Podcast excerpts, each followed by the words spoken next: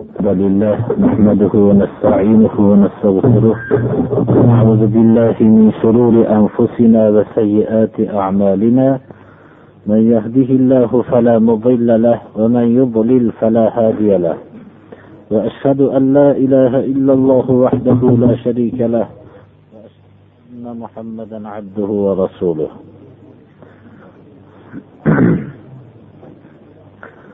أما بعد السلام عليكم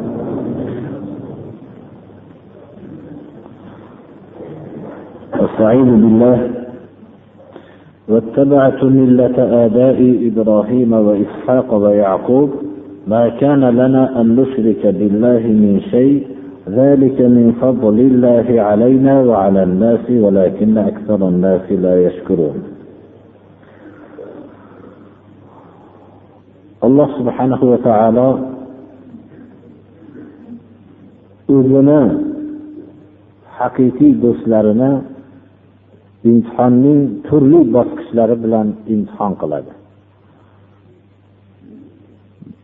Da'vat yo'lini qiyomatgacha bo'lgan doiylarga dars bo'lib qolishligi uchun va boshqa o'zi bilgan hikmatlar uchun. Yusuf alayhissalom mashaqqatning zindon bosqichini bosib o'tayotgan darsni o'rganayotgan edik. Alloh subhanahu va taoloning marhamati ba'zi bir olloh yo'lida da'vat qilayotgan kishilarga yusuf alayhissalomning da'vatini nasib qiladi. Bu ollohning bir fazli bo'ladi. Zindonlarda mahbus bo'lib da'vat qilayotgan kishilar yusuf alayhissalomning da'vati nasib bo'lgan odamlardir. Shunday bosqichda ham o'zining olloh yo'lida bo'lgan da'vatini esdan chiqarmaslik bu ollohning unga fazlidir.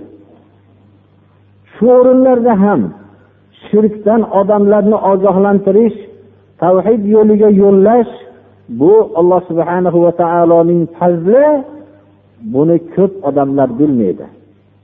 Buni odamlar musibat deb biladi. Musibat dindagi musibatdir. Rasululloh sollallohu alayhi vasallamning ma'sur duolaridan bittasi ey olloh bizlarning musibatini dinimizda bir musibat bermagin.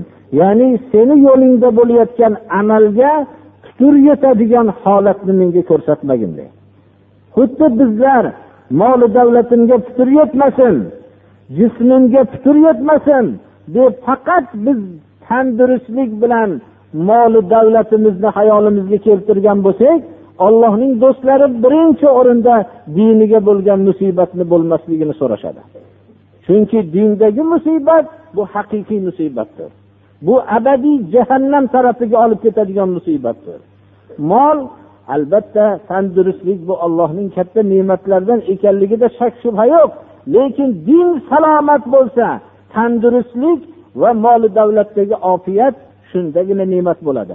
Ammo dinning vayron bo'lishligi bilan moli davlatning ko'p bo'lishligi ofiyatli bo'lishligi jasadning tandurustligi zalolatning jahannam yo'liga yana ham kuchayishlikka sabab bo'ladi. Mana bu biz hozirgi vaqtimizda ham ko'rib turgan narsalardandir.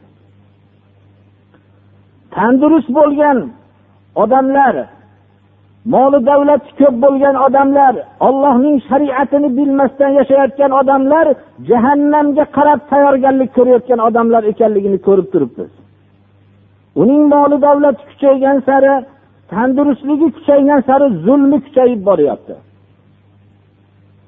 Ammo din bilan bo'lsachi shundagina ne'mat bo'ladi. Agar bir odamning diniga musibat yetmagan bo'lsa uning moli davlatiga yetgan musibat yoyinki tanasiga yetgan musibat u musibat bo'lmaydi birodarlar. Mana bu narsa bizning ruhimizdan uzoqlashayotgan fikrdir.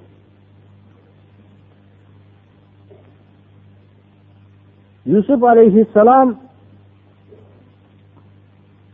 bu tushlarini aytib bergan ikkita saroydagi xizmatkor bo'lib tuhmat bilan mahbus bo'lgan yigitga tushlarini bayon qilgandan keyin kishilarini bevosita aytib bermadi. U kishi oldilariga kelgan muhtojning g'animat dedilar. Nimaga g'animat dedilar? O'zlarining shaxsiy manfaatlari uchunmi? Yo'q. Ularning shirkdan pok bo'lishligiga tavhid aqidasining qalbiga kirishligiga g'animat dedilar. Chunki muhtoj odam sizga muhtoj bo'lib kelgan odam sizning gapingizga quloq soladi. Bu narsani har bir ollohni yo'lida da'vat qilayotgan kishi g'animat bilmoqligi kerak. Oldingizga har qanday narsa bilan muhtoj bo'lib kelganda bu haqiqiy ehtiyoji bo'lgan shirkdan salomat bo'lish tavhid aqidasini bilishlikni birinchi mana bu narsa eng muhtoj bo'lgan narsang deb ogohlantirmoqligimiz kerak. Lekin bu da'vatda juda ehtiyotkorlik bilan da'vat qildilar. Bu har bir ollohni yo'liga da'vat qilayotgan odamga dars bo'ladi. Men ollohga iymon keltirmagan oxiratga kofir bo'lgan odamlarni qo'yib keldim dedilar. Ya'ni saroydagi odamlarga ishora qildilar. Men yashagan muhit men yashagan saroy ollohga iymon keltirmagan kishilar va oxiratga kofir bo'lgan jamoalarni qo'yib keldim dedilar.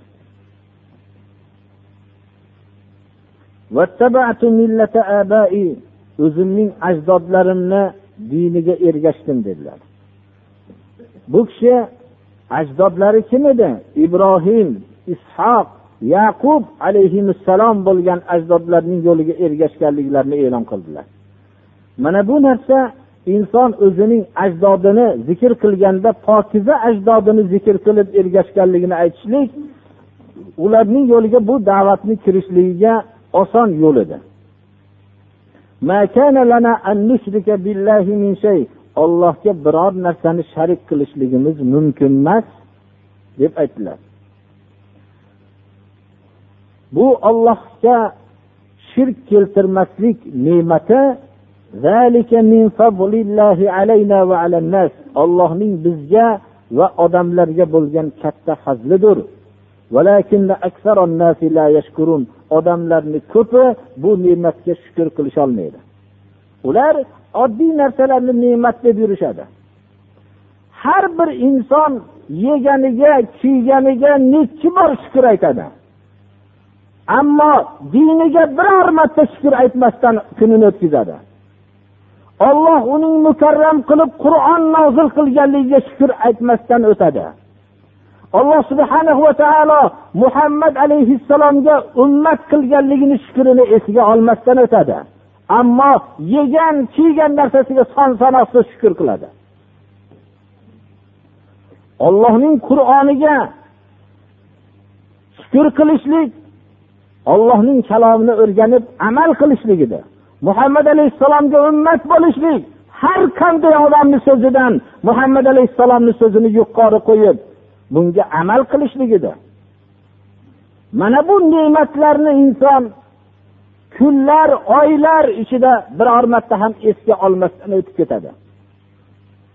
Mana bu kishi zindonda butun azob tuhmat bilan yotgan mahbus bo'lib turganlarida ollohga shirk keltirmaslik ne'matini esga olyaptilar. Ollohga shirk keltirmaslik bu ollohning fazli bizga va odamlarga lekin odamlarning ko'pi shukur qilolmasdan o'tadi.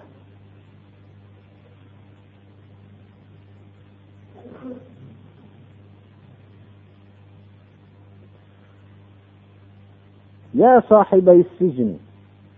tushni tavilini so'ragan saroyda xizmatkor bo'lib tuhmatlanib mahbus bo'lganlarga tavhidni tushuntira boshladilar. Avval shirkdan pokiza bo'lishlikni o'rgatdilar. Chunki shirk najas edi oldin najasdan toza bo'lmasdan turib inson pok bo'la olmaydi. Shundagina tavhid unga pokizalikni beradi. Tavhid u shirk bo'lgan joyga kirmaydi. Shuning uchun tavhid aqidasini barpo bo'lishligi uchun avval shirk najasidan pok bo'lishligini mana avvalda tushuntirdilar va tavhid aqidasini tushuntira boshladilar. Ya payg'ambarlarning alloh subhanahu va taolo qalbini shunday mehribon qilganki biror bir narsada shariklik bo'ladigan bo'lsa bir yer yuzidagi islomning ashaddiy dushmani bo'lsa ham shu bilan bir sohada birga xitob qilishlikka iloj bo'lsa shu kalima bilan shu muloyim kalima bilan xitob qilishadi. Alloh subhanahu va taolo butun payg'ambarlarni jo'natganlik zikrida va ila adin huda ot qabilasiga ularning birodarlari hudni jo'natdik deyapti alloh taolo. Ollohning ulug' payg'ambarini ot qabilasi shunday zo'ravon zolim butun moli mulki bilan faxrlangan ollohni yo'lini qabul qilmagan payg'ambarlarni masxara qilgan jamoaga birodarlari deb alloh taolo xitob qilyapti. Birodar emas edi lekin insonlikda bir xil edi. Shuning shu insonlikda bir xil bo'lganligi uchun insoniy sifatda birodar edi. Agarki dinda birodar bo'lmasa ham. Bitta birodarlikni sifati bo'lsa alloh taolo ahohum deb xitob qildi. Mana bu joyda yusuf alayhissalom u mushriklar bilan birmas edilar yo'llari zindonda yotgan mushriklar bilan birmas edilar lekin zindonda bo'lishlikda sharik edilar. Ular ham zindonda bu kishi ham zindonda. Ey zindon birodarlarim dedilar. Yo sohibai sijni dedilar. O'zlariga izofa qildilar. Ey sijindagi ey zindondagi birodarlar dedi.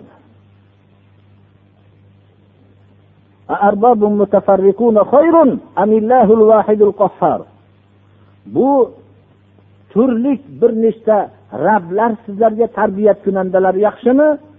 Yoki yagona g'olib olloh yaxshimi? Aytinglarchi suvga bitta tarbiyat kunanda shamolga bitta tarbiyat kunanda tog'ga bitta tarbiyat kunanda iqlimlarga bittadan tarbiyat kunanda na foyda na zarar yetkazolmaydigan shu tarbiyat kunandalar yaxshimi? Yo yakka olloh g'olib bo'lgan olloh yaxshimi? Aytinglarchi ey zindon birodarlar. Mana bu tavhidning ko'rib turibsizlarki koinoti yerni yakka olloh boshqaryapti.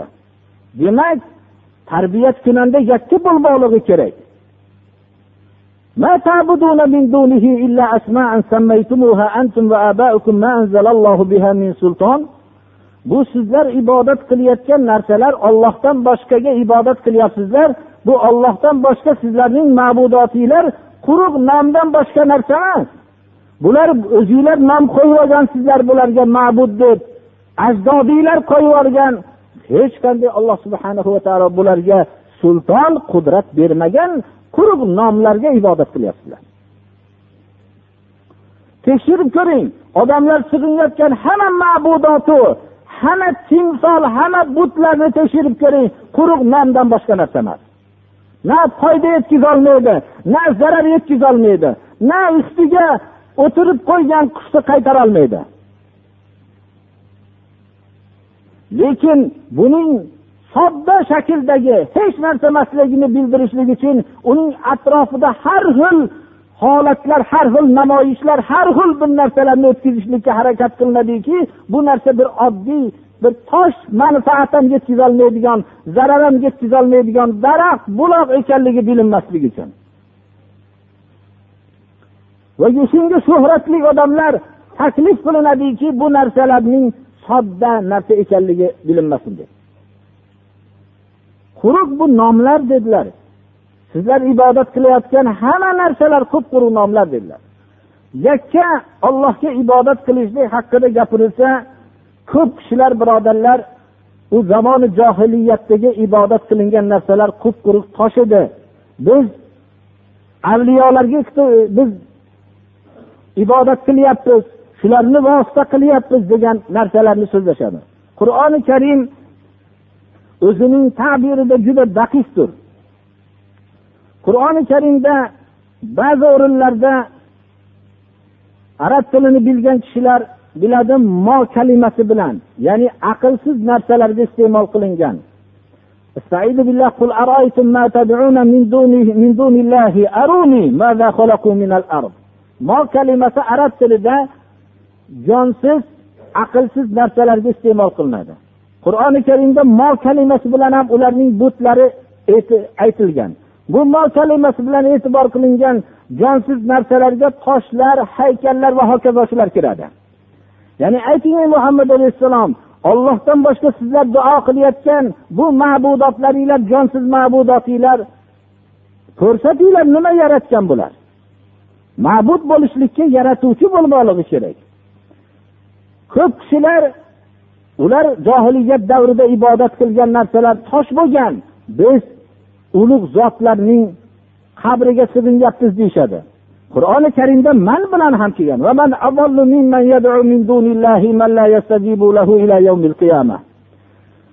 Ollohdan boshqa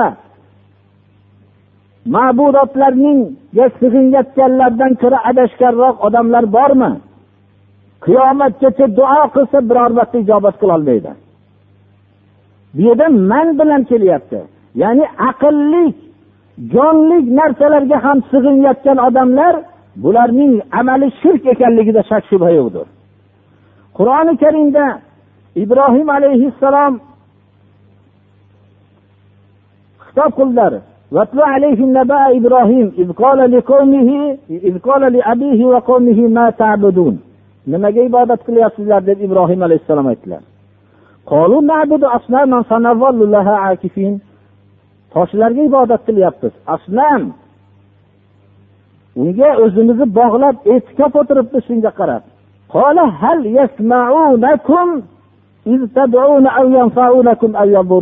Mana bu joyda aqlli odamlarning iste'mol qilinadigan jami muzakkari solim siygasida kelyapti. Hal yasmaunakum bu toshlar ularning ilgariga o'tgan solih odamlarning ramzi edi. Yomon odamlar emas edi ular.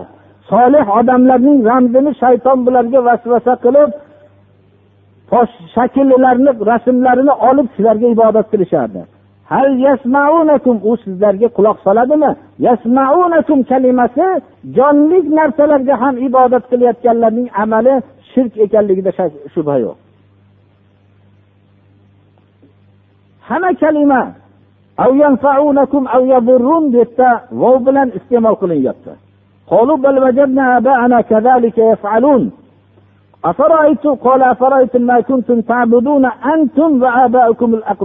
Mana bu narsalar hammasi aqlli odamlarga bo'ladigan xitob bilan kelyapti.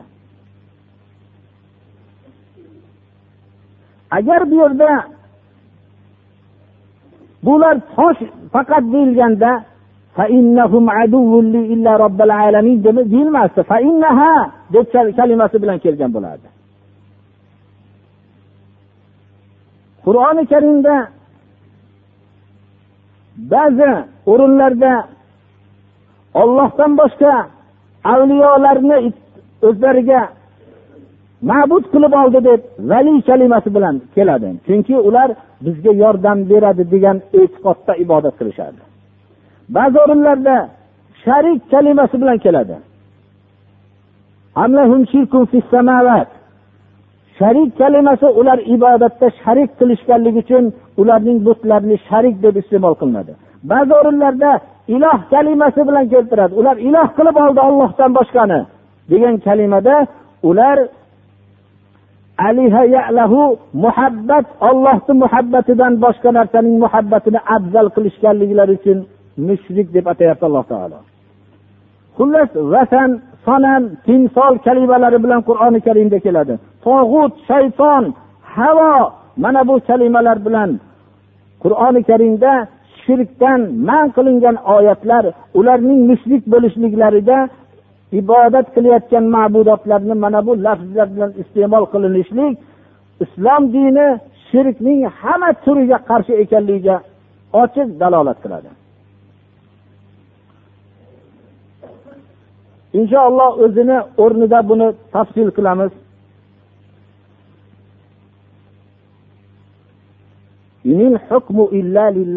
Hukm ollohning o'ziga xos dedilar. Hukm hayot hukmi hech qanday bir odamda bo'lmasligi kerak. Alloh subhana va taolo yuborgan manhaj asosida bo'lishligi kerak. Hukm ollohning o'ziga xosdir. Olloh o'zidan boshqaga ibodat qilmaslikka buyurdi. Demak olloh tarafidan bo'lgan hukmni biz qabul qilishlikka ma'murmiz va shu bilan birga ollohni hukmidan boshqa hukmni qabul qilmaslikka ma'murmiz. Olloh faqat o'zigagina ibodat qilishlikka buyurdi kalimasi inil hukmu illa lillah kalimasidan kelishligi alloh subhana va taolo musulmonlarga o'zining manhaji qur'oni karimni jo'natdi. Mana bu narsa hukm ollohni o'ziga xos degan kalima. Mana bu joyda yusuf alayhissalom juda daqiq suratda islomning haqiqatini tushuntirdilar. To'g'ri din bundan boshqa bo'lishligi mumkin emas.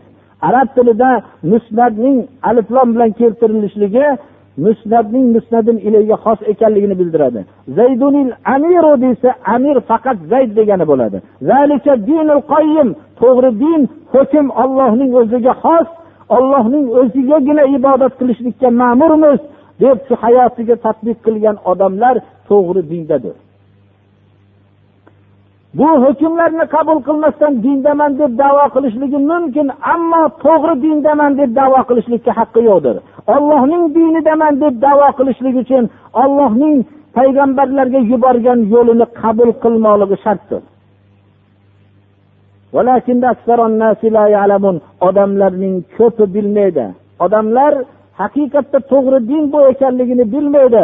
Odamlar la ilaha illallohni aytsa muhammadu rasululloh kalimasini aytsa namozni ish qilib o'qisa hayotda bundan keyin nima qandini yeb yursa musulmon bo'laveradi deb e'tiqod qiladi. Odamlarning ko'pi bilmaydi. Mana bu oyat kalima bizga nihoyatda bir hammamiz iymoni islom haqida ko'p o'ylanishligimizga majbur qiladi birodarlar.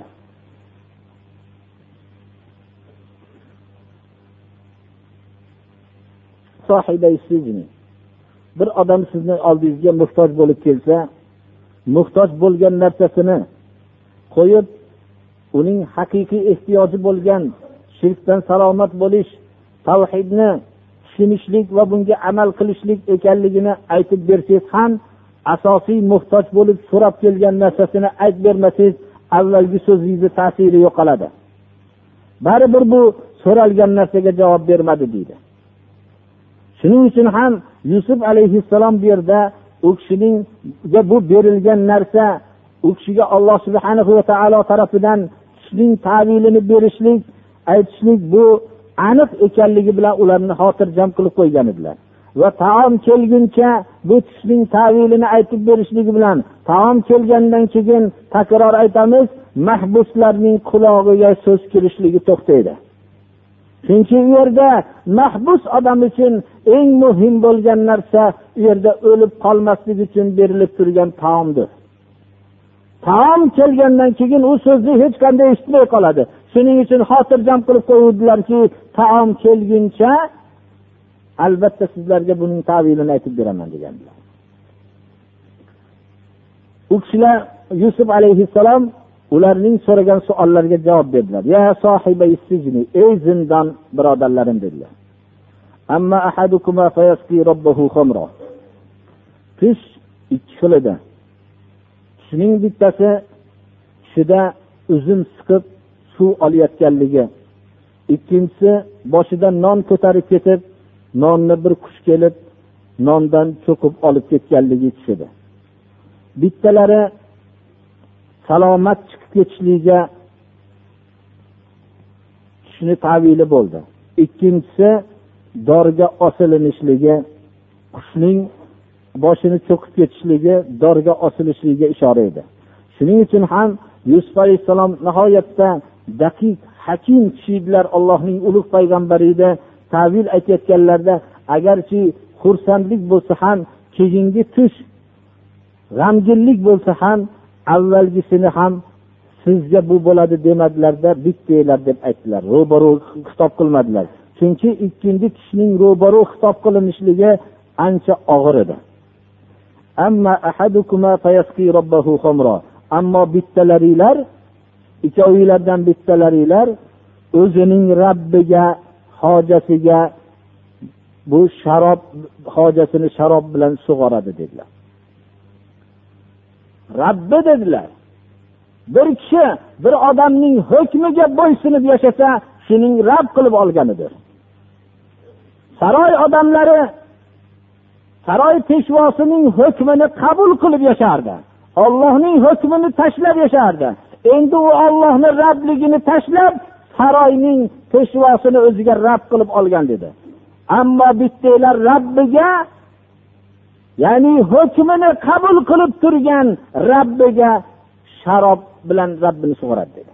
Shunday manzilatga chiqadiki o'zining saroydagi peshvosining yanida xizmat qilib yuradigan darajaga chiqadi. Va ammal axir ammo ikkinchisi amma axirukuma demadilar ham. Ammo sen deyishlik u yoqda tursin ammo ikkovinglardan bittalardan boshqanglar demadilar. Ammal ahor ammo boshqa dedilar. Chunki bu bu so'z bilan ro'baro bo'lishlik qiyin edi. Undan tashqari bu bor haqiqatida olloh bildirgan haqiqat edi. Shuning uchun aytdilarki tushning tavilini ochib aytishlari majbur edi. Fayuslab osiladi dedilar. Osilib jasadini qush cho'qib olib ketadi dedilar.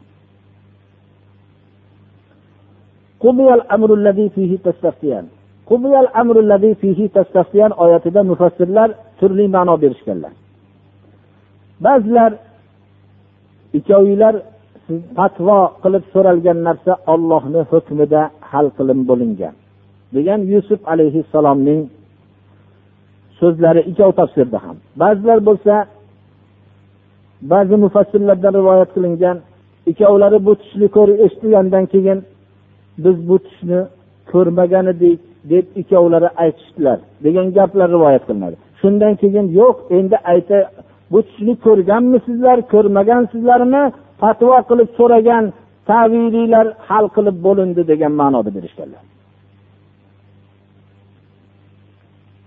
وقال للذي ظن أنه ناج منهم اذكرني عند ربك inson mahbus bo'lib turgan vaqtda buning mahbus bo'lganlardan holini so'rang.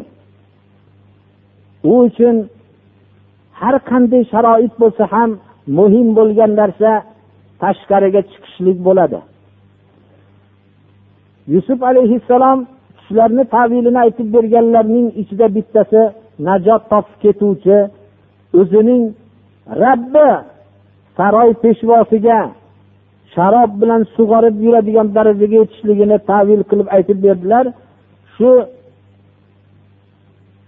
ikkovlarni ichida najot topuvchi deb bilgan vanna balki gumon emas balki bilgan odamga aytdilarki shu robbingni oldida meni bir esga olib qo'ygin dedilar.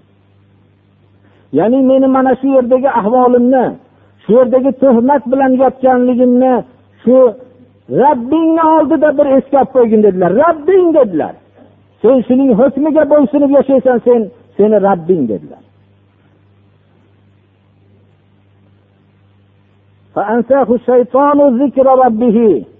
Inson mahbus bo'lib turganda men hamma yo'lni qilaman hamma narsani bajaraman deydi. Ammo xursandlikka kirgandan keyin shu xursand bo'lgan odamlar bilan birga bo'lib u mahbus shariklarni har qancha manfaatlar yetkazgan bo'lsa ham esdan chiqaradi. Shayton rabbiga eslatishlikni uni esidan chiqardi. Ya'ni shunday bir tuhmat bilan bir ajoyib yigit yotibdi zindonda deb aytishlikni ham esidan chiqardi. Xursandlik odamni ko'p narsalarni esdan chiqarib yuboradi. Qiyinchilik vaqtida shunday ish qilamiz. Shunday bo'ladi. Men davlat topganimda yarmi sizniki uy solsam yarmi sizniki degan birodarlar ham dunyo topganda u qiyinchilik vaqti deb birodarlarni esdan chiqaradi. Yana teshik tog'orani qo'lga keltirganda yana birodar bo'lib qolaveradi. U alloh subhanahu va taolo o'zining haqiqiy do'stlarini bunday saroy odamlariga bog'lanishligini ravo ko'rmaydi. Hattoki shu narsani eslatib qo'ygin degan so'zda ham men turibman menga iltijo qil deydi. Shularga eslatgin deb ham ravo ko'rmaydi. Alloh subhana va taolo qalbini pok qilgan o'zining do'stlarini o'zining shunday nopok kishilarga qalbining bog'lashligini xohlamaydi. Alloh subhana va taolo o'zi bu narsani o'zining irodasi bilan kirgizgan edi. O'zining irodasi bilan shu zindonda turgizgan edi. O'zi bergan edi bu ilmlarni va o'zigina najot berardi. Fo kalimasi arab tilida sababiyatni bildirsa vallohu alam mana shu so'zi sababli deyapti alloh taolo yusuf alayhissalom shu saroy peshvosiga bir meni eslatib qo'ygin degan so'zi sababli bir necha yillar zindonda qolib ketdilar. Alloh subhana va taolo o'zining mo'jizasini ko'rsatayotgan vaqtida faqat o'zining madadi bilan yordam berishlikni xohlaydi. Bironta odamning o'zining haqiqiy do'stida yordamda sharik bo'lishligini xohlamaydi va shuning qalbiga o'zi yakka yordam beruvchi zot ekanligini amaliy suratda bildiradi. Yusuf alayhissalom bu so'zlar bir mo'min kishiga nisbatan xato gunoh emas edi. Lekin haqiqiy o'zining yaqin do'stlariga nisbatan xato edi. Hasanotul abror sayyotul muqarrabin. Pok odamlarning yaxshiliklari ollohga qurbat hosil qilgan odamlarga nisbatan xato hisoblanadi. Boshqa odamlar qilsa juda yaxshi amal deyilgan narsa. Ollohga qurbat hosil qilgan nisbat odamlarga nisbatan xato bo'lib qoladi. Zindon hayotiga parda tashlaydi. Saroy hayotidagi podshohning tush ko'rish dahshatli va ajib bir tush ko'rish holatini bizga bildiradi. Qur'oni karim bizni podshoh saroyidagi voqeaga yetalaydi وقال الملك إني أرى سبع بقرات سمان يأكلهن سبع عجاف وسبع سنبلات خضر وأخرى يابسات يا أيها الملأ أفتوني في رؤياي إن كنتم للرؤيا تعبرون saroyda hayot agar saroy peshvosi uyqusirasa hamma odamning hayoli shu uyqusirashligini ahvolini so'rash bilan overaveradi ammo xalqlar ezilib ketsa ularning ahvolini so'raydigan odam topilmaydi. Saroy hayoti saroyning peshvosi agar shu yerda biror bir tabiati boshqa bo'lsa ham shu tabiatini ochilishligi haqida fikr yuritadi. Mana bu narsa bizga saroy hayotidagi hayotni odamlar qanday bir haqiqat hayotidan chetda yashayotganligini bizga ko'rsatadi. Podshoh tush ko'rdi. Saroy hammasi podshohning tushi bilan ovora. Ammo siz xalqlar ming marta dahshatli tush ko'rsin ularning tushi bilan biror ishi yo'q. Podshoh tush ko'rdiki tushi ham ajib edi. O'zi aytdi xalqlarni to'pladi.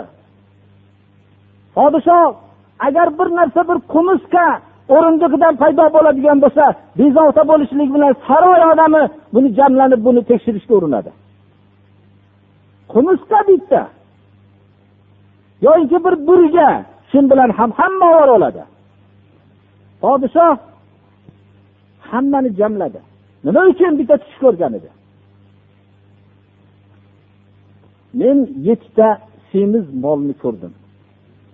Hozir ham ko'rinib turgandek qilib qur'oni karim bizga muzore fe'li bilan keltiryapti yettita semiz molni ko'rdim. Bu yettita semiz molni nihoyat darajada ozg'in yettita mol yeyapti. Va yettita nihoyatda ko'mko'k chiroyli yetilgan boshoqni ko'rdim. Va boshqa undan boshqa qup quruq ichida hech narsa yo'q bo'lgan yettita bosog'ini ko'rdim. Ey jamoa mana ey kattalar mana o'zi saroy odamlariga iste'mol qilinadi arab tilida. Ey saroy odamlari bu tushim haqida menga bir fatvo bir tavil qilinglarki men xotirjamlik bo'lsin menga dedi. Agar tushni tavil qiladigan bo'lsanglar. Agar podshohning tabiatini buzadigan bo'lsa saroy odamlari qanday ko'nglini olishlikni biladi. Ahlam bu tagi yo'q tushlar bu dedi. Bu bosinqirangan buni hech qanday buni tavili yo'q bundan xotirjam bo'ling deyishdi. Chunki kishining ham haqiqatda yomon bo'lsa yomonligi bilan ro'baro bo'lishlikni saroyda hech kim xohlamaydi. Biz bunaqa tagi yo'q tushlarni biluvchi emasmiz. Bizga aniq bunday tushlar bo'lishi kerak. Bundan hech qanday tashvish bo'lmasin. Xotirjamlik xursandlikdan boshqa narsa emas deb shunday so'zlar xitob qilindi. Podshoh baribir shuning tavilini u qalbni egasi olloh subhana va taolo. Bu qalbni xotirjam qilishlik alloh subhana va taoloning qudrat qo'lida. U odamlarning so'zlari bilan inson xotirjam bo'lmaydi. Hamma odamlar ba'zi bir kishini ko'nglini olmoqchi bo'lsa ham u ko'nglidagi narsa yo'qolishligi alloh subhana va taoloning izniga bog'liqdir. Biz shu yerda mavzudan boshqa bir o'ringa o'tib bir ikki kalima gapirmoqchiman. Biz sura yusufda uchta tushni ko'rdik. Bayon qilinganligi. Birinchi oiladagi tush. Yusuf alayhissalomning oftob va oy va o'n bitta yulduzning u kishiga sajda qilayotgan holati. Ikkinchi tush zindondagi tush. Hayot oila yerning osti zindon va podshoh saroyi. O'zi hamma hayotning qismi bo'lim bo'ldi birodarlar. Zindonda ham tush saroyda ham tush. Hayotning hamma tomoni tush bilan bo'lganligini uchta tush bilan ifodalab qo'yilyapti. Hayot nima? Oila saroy va zindon. Demak hayotning hamma qismidagi bo'lgan uchta tushga ishora qilyapti. Mana bu narsadan biz ibratlanaylikki har bir payg'ambarning hayotida alloh subhana va taolo payg'ambarlarni shu davrdagi odamlar e'tibor qilib yurgan narsada ustun qilib qo'ydi. Muso alayhissalomning davrida sehr rivojlangan edi. Alloh subhana va taolo u kishiga aso mo'jizasini berdiki bu sehrni hammasini barbod qildilar. Chunki shu yerda hamma biror bir kishi duradgorlik mahoratini ko'rsatsa kosiblar uning mahoratini bilmaydi. Duradgorlar biladi. Temirchilar uning bilmaydi. Faqat uning qadrini duradgor ajratolmaydi. Shuning uchun har bir sohani alloh subhana va taolo jamiyat bir narsa sohasida rivojlanaveradi. Bir davr bosqichi bo'lib o'tib ketaveradi. Alloh subhana va taolo o'zining payg'ambarlarini shu davrda mo'tabar bo'lgan narsada yuqori qildi. Iso alayhissalom davrida tabobat rivojlangan edi. U kishi shu o'likni tiriltirish va tug'ma ko'rni ko'zini ochilishligi badaniga oq tushganni tuzatishlik va gungni tilini chiqishligi qolgan edi xolos. Alloh subhana va taolo iso alayhissalomga mana bu mo'jizani berdilar. Xalqlar u kishining tushunishligi oson bo'ldi. Va bu ham alloh subhana va taoloning rahmati bo'ldi. Bu vaqtda tushni tavilini aytishlik fazilati rivojlandi. Hozirgi vaqtda ham folbinlik rivojlanganga o'xshagan birodarlar. Hamma joy folbin hamma yoq kelajakdan gapiradigan odamga to'lib ketdi. Hamma mushriklar bilan to'lib ketdi birodarlar. Shu vaqtda yer yuzidagi eng katta mashhur olimlarni ham e'tiborga olmay qo'ydi bir folbinni bir o'zini o'zlarining silliroq tili bilan aytganda bashoratchilar. Mana bu vaqtda alloh subhana va taolo yusuf alayhissalomga haqiqiy ilmni berdi. Shuni tavilini. Mana bu biz diqqatga sazovor bo'ladigan narsadir. Bu kishi oilada ham g'olib zindonda ham g'olib saroyda ham muhtojim ilay bo'lib turib g'olib bo'ldilar. Zindonda yotgan odamga saroy muhtoj bo'lib qolsa ana shu vaqtda olib keladi. Saroy muhtoj bo'lgan odam xotirjam bo'ling. Mana bu narsa yusuf alayhissalomga alloh subhana va taolo zindonda yotkizib o'ziga iltijo qilib turgan holatida saroyning podshosini muhtoj qilib qo'ydi. Ollohni yo'lida mustahkam bo'lgan odamlar mumkin hozirgi vaqtda ham ajoyib qobiliyatli insonlar borki ular odamlarning oldida noz bilan yashashliklari mumkin ammo o'zlarining xor qilganligi natijasida alloh subhana va taolo xorlab tashlagan. Shuning uchun ham mana bu tushni inson o'zining manfaati bo'lgan vaqtda shaxsiy manfaati men degan narsa ko'rinadigan vaqtda ashaddiy dushmani bilan bo'lsa ham sulh tuzadi. Hech esidan chiqarib yuborgan odamni ham esga oladi.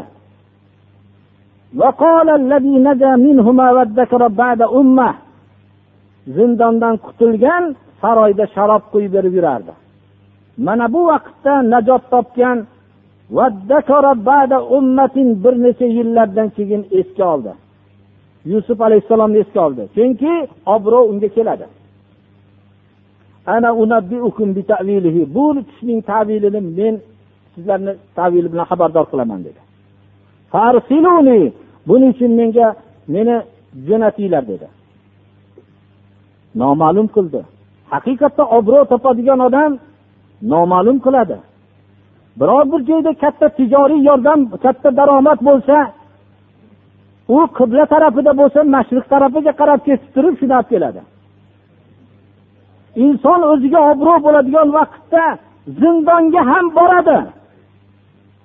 Najas bo'lgan joyga ham boradi. Inson o'ziga obro' keladigan vaqtda hamma sirni bekitolmaydi uning qalbidagi eng katta sirni bekitishlik qobiliyati bo'ladi. Hayoti bo'yicha musulmonlarning sirini ochib tiriklik qilib yurgan odam ham sirni bo'lga aylanadi shu vaqtda.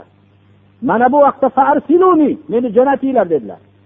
Bu yerga jo'natinglar bu yerga olib boringlar demadilar falonchini oldiga boringlar demadilar. Chunki saroydan bir daqiqa yo'qolishlik tuhmatga sabab bo'ladi. Shuning uchun bir odam orqali borishlikka muhtoj edi.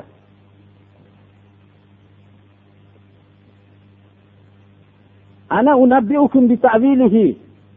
bu kalima nihoyat darajada maqtanishga dalolat qiladi. Men buni sizlarni xabardor qilaman buni tavili bilan. Bu yerda buni xabardor qiladigan odam yo'q bu saroyda dedi. Esidan chiqib qolgan yusuf alayhissalom bilan uchrashganlik qanday borganliklarini u ham bu vaqtda bunday holatda bekitilganligi uchun qur'oni karim ham bekitilyapti ajib bir mo'jizaki qur'oni karim. Shu yerda qayerga bordi qanday bordi hammasini bayon qilmasdan yusuf alayhissalomga bo'lgan xitobda ko'rsatilyapti. Hatto zindonchilarga ham bu narsa bildirilmagan. Yusufu birdan xitob yusufga bo'lyapti. Ey rostgo'ylarning rostgo'yi ha esidan chiqib ketgan odam rostgo'ylarning rostgo'yiga aylandi ishi tushib qolib. Faqat dunyoda yagona rostgo'y bor u ham yusuf degan ma'noni bildiradi. Inson ishi tushib qolgan vaqtda mutlaqo ishi tushib esidan chiqib ketgan odam ham siddiqlarga aylanadi. Sizning ashaddiy yomonlab yurgan odam dunyoviy manfaat yo obro' keladigan bo'lsa ulug'larning ulug'iga aylanasiz shu soatda.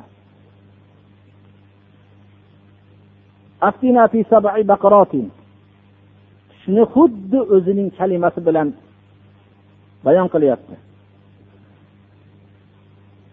Astina bizga fatvo bering bayon qiling. Yettita semiz mol uning nihoyat darajada ozg'in yettita mol yeyapti. Shu haqda fatvo bering. Shu haqda shu tushning tavilini ayting.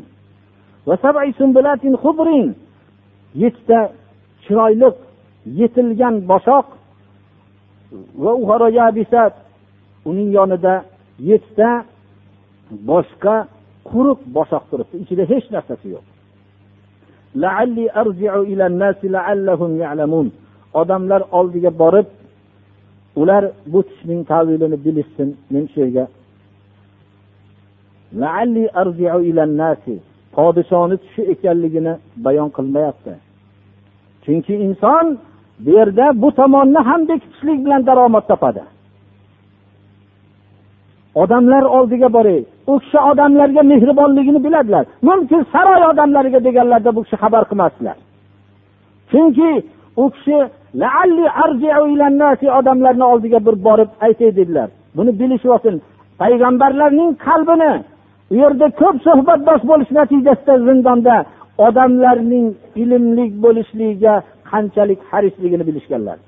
Insonning haqiqiy doini qalbi odamlarning olim bo'lishligiga nihoyatda bir moyil bo'ladi.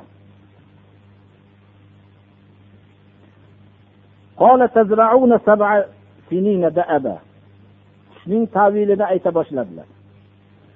Aytdilarki yetti yil paydar pay ekin ekishadi odamlar.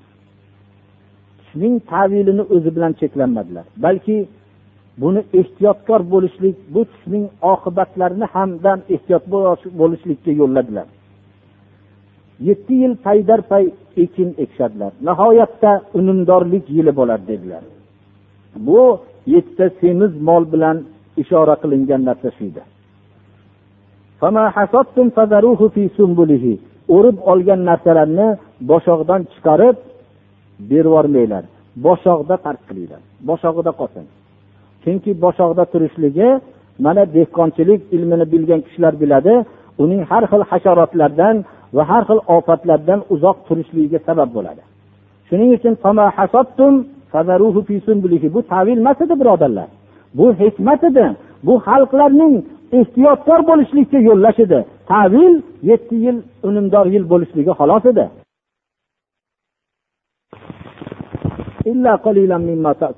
Yetti yil muddatda nihoyatda unumdor bo'ladi ammo ozgina o'zinglar yegan qismni boshoqda albatta qo'ymaysizlar. Yegan odam yeganinglarcha yeysizlar bu qismni albatta boshoqda qo'ymasdan yeysizlarda unumdorlik ko'p bo'lgandan keyin ortiqchasini hammasini boshoqda qo'yinglar dedilar.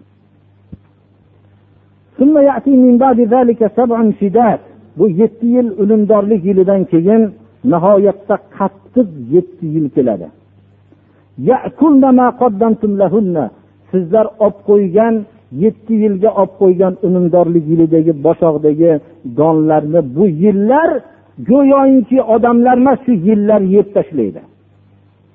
Shunday ochlik qattiq bo'ladi.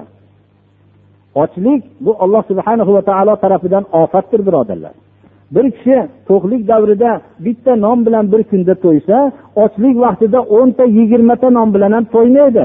Buni ochlik davrini ko'rgan kishilar yaxshi bilishadi. U ofat u birodarlar. Oshqozon jahannam misoliga aylanadi. Halmin mazid bormi yana deydigan bo'ladi ana shuning uchun bu ofat bu. Ofat tarafidan kelganda uning davosi bo'lmaydi.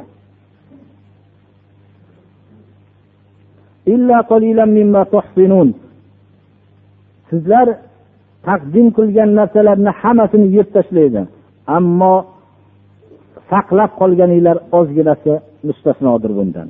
Ya'ni shuni shu yilni yetti yil yeb tashlaydigan holatda ham ozgina saqlab qolishlikka harakat qilmoqliginglar kerak dedi.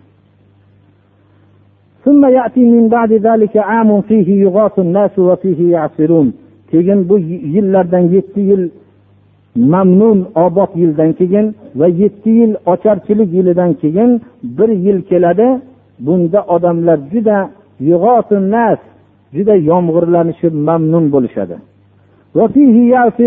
Shunday serobchilik bo'ladiki bu vaqtda mevalarni yeb yeyishdan tashqari suvlarni ham olib olishadi. Shunday darajada serobchilik bo'ladi. Ya'ni shularga ishora qildilarki har bir kalimada ehtiyotkor bo'lishlikka serobchilikda ham ehtiyotkor bo'lishlikka keyingi serobchilikda ham uni mevalarning suvini siqib isrof qilmaslikka bular hammasi tarafiga yo'llanma berdilar mana bu joyda yusuf alayhissalomga alloh subhana va taolo bergan ilmni nihoyatda bir katta ekanligini bilamizki podshohning tushidagi hamma ishoralarni hammasiga javob aytgan bo'ldilar. Va undan tashqari alloh subhana va taolo payg'ambarlarning qalbini qanchalik bu tushni kim ko'ribdi ham deb so'ramadilar. Bu tushni manfaat bu xalq uchun manfaat bo'ladigan bo'lgandan keyin dushmani tarafiga bo'lsa ham to'g'risini bayon qildilar. Va ehtiyotkorlik yo'llariga yo'llanma berdilar. Alloh subhana va taolo payg'ambarlarning qalbini ana shunday muloyim va mehribon qilib yaratgandir. Alloh subhana va taolo da'vat yo'lida bo'lgan kishilarni ham shunday bo'lishligini talab qiladi. U o'zlarining dushmanlariga nisbatan ham nisbatan ham ular mehribon bo'lganligidan da'vat qilishadilar. Da'vatning asli o'zi jahannamga ketayotgan odamlarga rahmlari kelganligidan da'vat qilishlikdir o'zi. Hatto odamlar ularni bilmasa ham ularga har qancha azob bersa ham biz ularni yaxshi ko'ramiz degan ruhda ularni jahannam yo'lidan qutqarishlikka bu chaqirishlikdir va jannat yo'liga yo'llab qo'yishlikdir. Ular har qancha masxara qilsa ham ular bu ne'matni bilishmasalar ham o'zlarining bilganliklari bilan faxrlanib va shu boshqalarni ham jannat yo'liga yo'llashlik jahannam yo'lidan salomat qolishligiga bo'lgan muhabbatdir bu.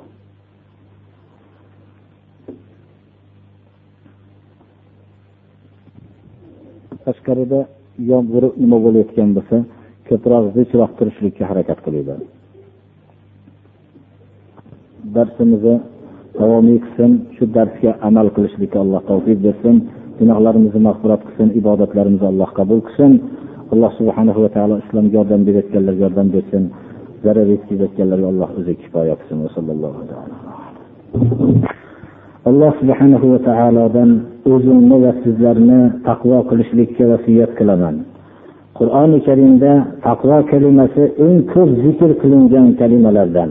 Taqvoga hamma kishilarni iymonsiz kishilarni taqvoga buyurilib iymon keltirishlikka buyurilgan iymonli kishilarni taqvoga buyurilib islomning buyruqlarini bajarishlikka buyurilgan va shu bilan birga haqiqiy musulmon mo'minlarni ham haqiqiy taqvo qilishlikka buyurilgan استعيذ بالله يا أيها الذين آمنوا اتقوا الله حق تقاته ولا تموتن إلا وأنتم مسلمون ey iymon keltirgan kishilar haqiqiy taqvo qilinglar.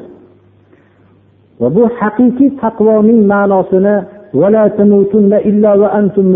kalimasi bildiradiki umrning oxirigacha musulmon bo'lib ya'ni ollohning hukmiga bo'ysunuvchi bo'lib qolishlik bu haqiqiy taqvo ekanligiga ishora bo'lyapti. Inson hayotining bir qismida haqiqiy taqvo qilishligi mumkin. Yo o'zining bemalollik vaqtida u boshiga musibat tushganda ham taqvolik bo'lmoqligi kerak.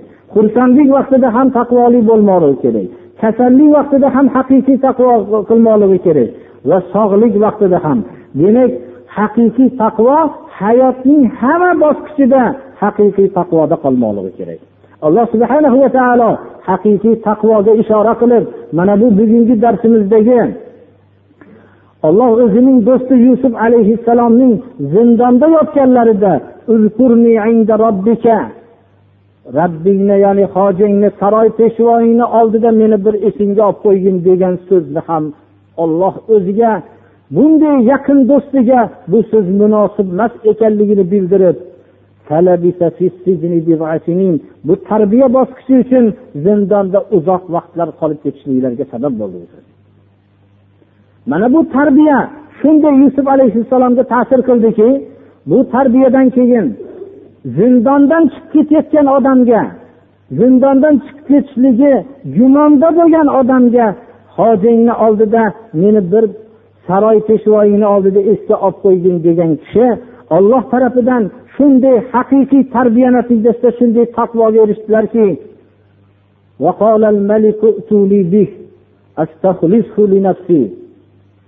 podshoh olib kelinglar dedi.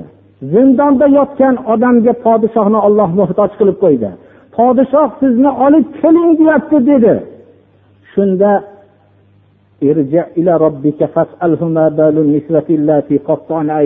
dedilar. Bor ana shu saroy peshvoyingni oldiga borib aytingki meni haqqimda tuhmatni tuhmat deb bilibdimikin? Yoinki hali meni tepamda ham tuhmat turibdimikin? Bor aytgin shu tuhmatlangan deb tan olsang chiqaman dedilar. Ana haqiqiy taqvoga erishgan ollohning do'stlari shu darajaga chiqishdilar. Ya'ni oddiy odam chaqiryapti degani yo'q. Saroy peshvosi podshoh chaqiryapti deganda shu podshohingni oldiga borib aytgin meni haqqimda tuhmat masalasi nima bo'ldi dedilar. Muhammad alayhissalom sollallohu alayhi vasallam u kishi mana bu oyatni o'qib ketayotib aytdilarki ollohning rahmati bo'lsin birodarim yusufga dedilar. Agar men zindonda shuncha yil yotib podshoh chaqiryapti deganda men otilib chiqib ketgan bo'lsam kerak edi derdilar. Ammo uning birodarim yusufning sabriga alloh taolo shunday sabr berdiki podshoh chaqiryapti deganda podshohingga bor dedi. Podshohga ham demadi. Podshohingni oldiga bor dedi. Mening haqqimdagi tuhmat masalasi nima bo'ldi dedilar. Alloh subhana va taolodan haqiqiy taqvo qilishlikning bosqichi iymondan boshlanib shunday darajadagi yuqori bosqichga boradi. Alloh subhana va taoloning yo'lidagi da'vatga sabr qilinglar. Alloh subhana va taoloning yo'lidagi taqvoda sabr qilmoqlik kerak. Alloh subhana va taoloning yo'lida hech qanday bir quvonchlik yutuqqa yo biror yo'ldan chiqib ketishlikka sabab bo'lmasligi kerak yo biror bir musibat insonni yo'lidan chiqib ketishligiga sabab bo'lmasligi kerak. Mana bu har qanday ko'rinishdagi katta mukofot ham insonni yo'ldan chiqarolmasa va musibat ham yo'ldan chiqarolmasa tandurustlik ham yo'ldan chiqarolmasa kasallik ham yo'ldan chiqarolmasa va muhtojlik kambag'allik ham yo'ldan chiqarolmasa badavlatlik ham yo'ldan chiqarolmasa mana bu haqiqiy taqvoning ma'nolarini bittasidir اللهم استرنا بسترك الجميل في الدنيا والآخرة يا مقلب القلوب ثبت قلوبنا على دينك يا مصرف القلوب صرف قلوبنا